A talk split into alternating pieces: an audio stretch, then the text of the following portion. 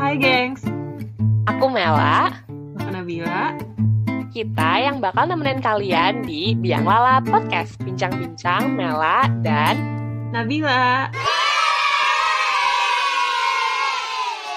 Hai, kamu apakah sering ngerasa insecure, cemas sama masa depan, atau bingung sebenarnya kamu ini harusnya ngapain sih di hidup ini? Oh, oh, kalian mungkin ngalamin yang namanya quarter life crisis. Menurut jurnal, quarter life crisis ini adalah masa di mana kita merasa krisis secara emosional, sehingga kita tuh merasa ragu terhadap diri sendiri dan takut sama kegagalan dari berbagai aspek kehidupan, mau relasi, karir, dan kehidupan sosial. Quarter life crisis emang wajar dialami sama orang-orang yang umurnya 20 tahunan kayak kita. Nah, kalau kamu ngalamin quarter life crisis, don't go anywhere and don't press the skip button karena kita bakal mengupas tuntas gimana cara kita menghadapi quarter life crisis bareng orang yang pernah ngalamin hal itu. Yuk kita sambut Dwi ke Aprilia. Hai Kak Dwike, gimana? Sehat Kak? Alhamdulillah sehat. Kalian gimana? Sehat juga. Alhamdulillah, Sehat juga. Sebuah syukur ya emang masih bisa hidup sampai bulan Agustus di tahun 2020 Bener, gitu ya. ya. Empat bulan lagi menuju 2021. Heeh. Boleh nggak Kak perkenalan diri dulu tentang Kak Dwike nih? Um, halo semuanya, nama aku Dwike, biasanya dipanggil Keke. Sekarang aku lagi uh, meniti karir pertama aku di uh, Jakarta. Aku sedang bekerja di salah satu edutech startup um, sebagai manajemen associate gitu. Gimana rasanya berapa bulan udah pindah ke ibu kota, Kak? Butuh penyesuaian gak sih? Kalau pindah ke Jakartanya itu baru dua bulan ini, jadi aku termasuk angkatan corona juga ya. Jadi yang Oh. segala proses onboardingnya, terus penyesuaian awal untuk masuk kerja itu semuanya dari WFH gitu. Tapi kalau untuk kerjanya udah hampir empat bulan sih harusnya gitu. Hmm, Kalau penyesuaiannya em, lebih ke kalau di Jakarta itu kayak bukan hal yang baru sih sebenarnya karena udah pernah merantau juga sebelumnya gitu. Lebih ke penyesuaian di dunia kerjanya gitu yang makes it a little bit tough gitu sih. Karena pertama juga gitu. Berarti penyesuaiannya lebih ke ranah pekerjaan ya kak ya. Nah di umur 20 tahunan ini kan masa-masa rentan krisis identitas nih. Bingung masa depan mau dibawa ke mana. Nah denger-dengar Kak Dwike juga pernah ngalamin hal ini ya. Boleh nggak Kak diceritain gimana waktu itu Kak Dwike melewati masa-masa quarter life crisis? It happened to me last year, teman-teman. Eh, jadi aku menghadapi itu ketika aku eh, skripsian, ketika di tahun terakhir kuliah, aku tuh super sensi gitu loh dengan pertanyaan tentang kapan, kapan lulus, kapan ini, kapan itu. Itu adalah pertanyaan yang eh, cukup bikin aku apa ya insecure gitu. Dan aku juga saat itu juga comparing myself with others juga. Temen aku udah ini, aku belum kayak gitu. Terus caranya aku gimana sih untuk menghadapi itu semua? Menghadapi pertanyaan-pertanyaan orang yang bikin aku feel overwhelmed. Gitu. Yang pertama aku harus tahu diri aku sendiri. Itu kunci dari segala permasalahan. Itu know yourself better dulu deh gitu. Apakah yang aku compare dengan orang lain itu apple to apple apa enggak sih gitu. Terus aku akhirnya realize nih dengan aku eh, mengetahui diri aku sendiri, I I learn how to embrace both both my own strength and weaknesses gitu. Ketika aku nggak ngerti strength aku itu apa, tanya ke orang lain.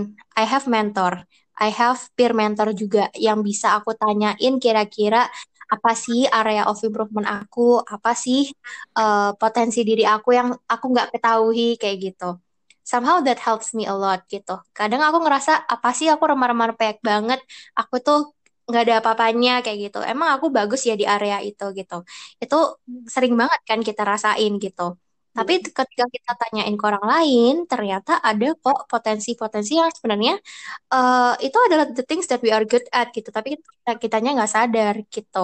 Jadi build that conversation dulu dengan orang-orang yang kalian percaya gitu. Akhirnya kalian bisa ngerasa, oh ternyata aku tuh ada kok yang perlu aku appreciate di diri aku gitu.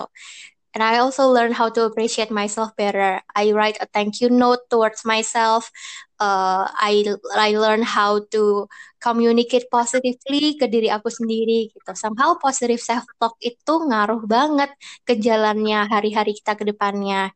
Kalau kita ngomong yang negatif terus ke diri kita sendiri, itu kayak sama halnya kita makan gorengan tiap hari, coy. Kayak ya nggak sehat kan gitu sama halnya Mm-mm. kondisi mental kita kalau kita uh, apa namanya giving ourselves with energy giving food kita surround ourselves with positive uh, surrounding juga orang-orang yang suportif itu sebenarnya ngaruh banget buat uh, kita menghadapi this crisis uh, moment kayak gitu. Gitu sih. Jadi kita nggak bisa menghindari yang bisa kita lakukan opsi yang bisa kita lakukan hanyalah menghadapi gimana we can do something about it gitu ketika kita ngerasa insecure tentang diri kita sendiri. Kayak gitu. Berarti intinya know yourself better aja ya, sama Mm-mm, don't compare yourself with others. Sih benar. gitu. gitu. Uh, gimana caranya Kak Dwika nih waktu itu menentukan tujuan hidup waktu lagi quarter life crisis? Mhm, Oke, Ini mungkin hal yang bisa dialamin juga ya eh, sama anak-anak semester akhir mungkin. Ketika ditanyain kamu Mm-mm. mau S2 dulu atau kerja gitu habis lulus gitu. Itu somehow pertanyaan yang berat loh buat aku saat itu di tahun lalu gitu. Terus caranya aku yakin dengan tujuan hidup aku yang sebenarnya itu selain yang pertama kita building our own self awareness itu tadi dari aku mentoring, dari aku proses mentoring juga dengan orang lain, aku ngerasa lebih yakin akhirnya. Oh, ternyata em, anak tangga anak tangga yang perlu aku achieve itu ini ini dan ini loh kayak gitu. Jadi aku nggak comparing myself dengan others yang Oke, habis S1 biasanya mereka apply S2 kok gitu. Oh, biasanya teman-temanku S2 di luar negeri kok gitu itu kan success story-nya orang lain gitu. Sedangkan success story aku beda gitu. Jadi aku harus define mana ya anak tangga yang perlu aku achieve buat akhirnya mencapai ultimate goal yang ingin aku capai. Contohnya nih, aku pengen jadi HR professional nih. Nah, kira-kira langsung S2 ketika lulus S1 psikologi, for my case, itu bakalan bikin aku jalannya lebih cepat towards my ultimate goal atau enggak ya gitu. Opsinya pertama S langsung S2, yang kedua opsinya aku gaining experience dulu, work experience dulu at least two years, baru S2. Mana nih kita compare mana sih yang bakalan uh, lebih cepat nih buat aku uh, membantu aku untuk mencapai goal aku yang sebenarnya gitu. Itu itu hal yang nggak bisa aku pribadi kan karena aku belum tahu masa depan, aku belum tahu apa yang dialamin orang di usia dua tahun ke depan kan kayak gitu. Jadinya aku membutuhkan mentor, aku membutuhkan pendapat teman yang kiranya udah dua tahun kerja kayak gitu. Jadi uh, broaden your perspective dulu gitu. Jadi tanya ke orang yang udah pernah duluan mengalami ini kayak gitu. Jadi itu somehow membantu aku untuk meyakinkan diri kira-kira mana sih uh, step mana sih yang perlu aku achieve duluan kayak gitu. Biar aku nggak cuma ikut-ikutan yang lain ke kanan, aku ikut ke kanan. Padahal harusnya untuk mencapai tujuan aku, aku harusnya belok kiri dulu nih kayak gitu. Jadi it's okay to be different. Um, selama itu memang uh, membantu kamu untuk achieve your own ultimate goal nanti ke depannya apa. Kayak gitu. Oke deh, berarti kita untuk menentukan tujuan hidup itu memang harus banyak ngobrol sama orang yang udah berpengalaman dan juga uh, cari tahu diri kita gitu, self knowledge tadi. Nah, kalau dulu Kak Dwike itu nemuin potensi diri itu gimana sih Kak? Kan dulu uh, udah nih saklek, oh ya aku pengen jadi HR profesional misalnya. Terus uh, taunya Kak Dwike sadar, oh ya itu adalah potensiku, itu tuh gimana Kak? Oke, okay. um, caranya aku menyadari kalau itu potensi diri aku selain mentoring tadi ya, itu pastinya aku juga butuh data pendukung ya. Uh, contohnya aku melakukan tes kepribadian kayak gitu-gitu. Ya, uh, talk to psychologist itu juga salah satu opsi sih, tapi uh, itu cenderung apa ya? Pilihan teman-teman sendiri sih kira-kira nyamannya kayak apa gitu. Jadi aku biasanya nyadar kalau itu adalah potensi diri aku ketika aku mendengar um, apa ya positive feedback gitu dari orang lain dengan apa yang udah aku lakukan gitu. Contohnya ketika aku lagi public speaking, ketika aku lagi uh, mengisi training gitu, ketika aku di organisasi um, apa namanya leading my team kayak gitu. Terus aku selalu menanyakan feedback oleh orang lain kayak gitu. Dan di situ aku jadi tahu, oh kira-kira oh, ini sebenarnya adalah hal yang aku good at dan ada hal-hal yang aku need to improve gitu ke depannya kayak gitu sih jadi uh, potensi diri itu nggak semuanya kita uh, ketahui di diri kita sendiri cuman PR kita tapi kita sebenarnya juga perlu ada yang namanya humility to learn, humility uh, to ask gitu ke orang lain. Kira-kira apa ya yang aku perlu improve ke depannya kayak gitu. Biasanya sih orang nggak cuma ngasih tahu feedback doang kan, pastinya mereka juga appreciate apa hal-hal yang udah kita lakukan secara baik kayak gitu. Gitu sih sebenarnya. Show your humility to learn dulu uh, ke orang lain. Akhirnya kalian bisa sadar kira-kira uh, apa yang udah uh, baik di diri kalian dan apa kalian kembangin lagi di diri, di diri kalian gitu. Berarti uh, mendapatkan positif feedback dari orang lain itu uh, salah satu hal yang membantu untuk mendapatkan potensi diri ya kak ya? Mm -mm, gitu.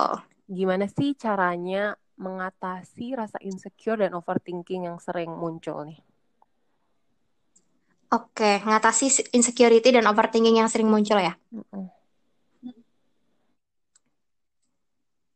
Kalau um, insecurity dan overthinking itu adalah hal yang dialamin semua orang sih pastinya.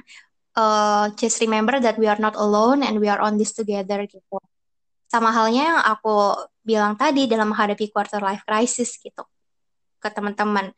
Um, yang aku coba implementasi ke diri aku ketika mengalami insecurity, terus aku overthinking gitu di malam hari gitu. Um, aku berusaha untuk implement three step gitu loh ketika aku um, experiencing negative emotion. Yang pertama, aku berusaha untuk menerima negative emotion dulu, merasakan dulu yang pertama. Yang kedua, menerima negative emotion itu ketika itu terjadi. Yang ketiga, aku baru menerapkan step ketiga yaitu fokus. Gitu. Kalau aku bisa sum up ada feel, accept dan juga fokus. Gitu. Apa sih yang step ketiga yang bisa aku fokuskan? Aku ada di kontrol diri kita gitu. Kita nggak bisa kontrol orang lain kan kita nggak bisa kontrol omongan orang lain kita nggak bisa kontrol sikap orang lain. Yang bisa kontrol itu our own response yang bisa kita kontrol pikiran kita gitu kan. Jadi itu sih yang aku pelajarin selama uh, menghadapi insecurity dan overthinking yang might strikes me anytime gitu jadi fokus ke hal-hal yang sebenarnya itu uh, berguna buat your own improvement gitu. Ada kalanya orang uh, menyampaikan feedback itu nggak sesuai nih dengan uh, cara kalian, jadinya kalian tersinggung gitu dengan apa yang disampaikan oleh, oleh orang lain.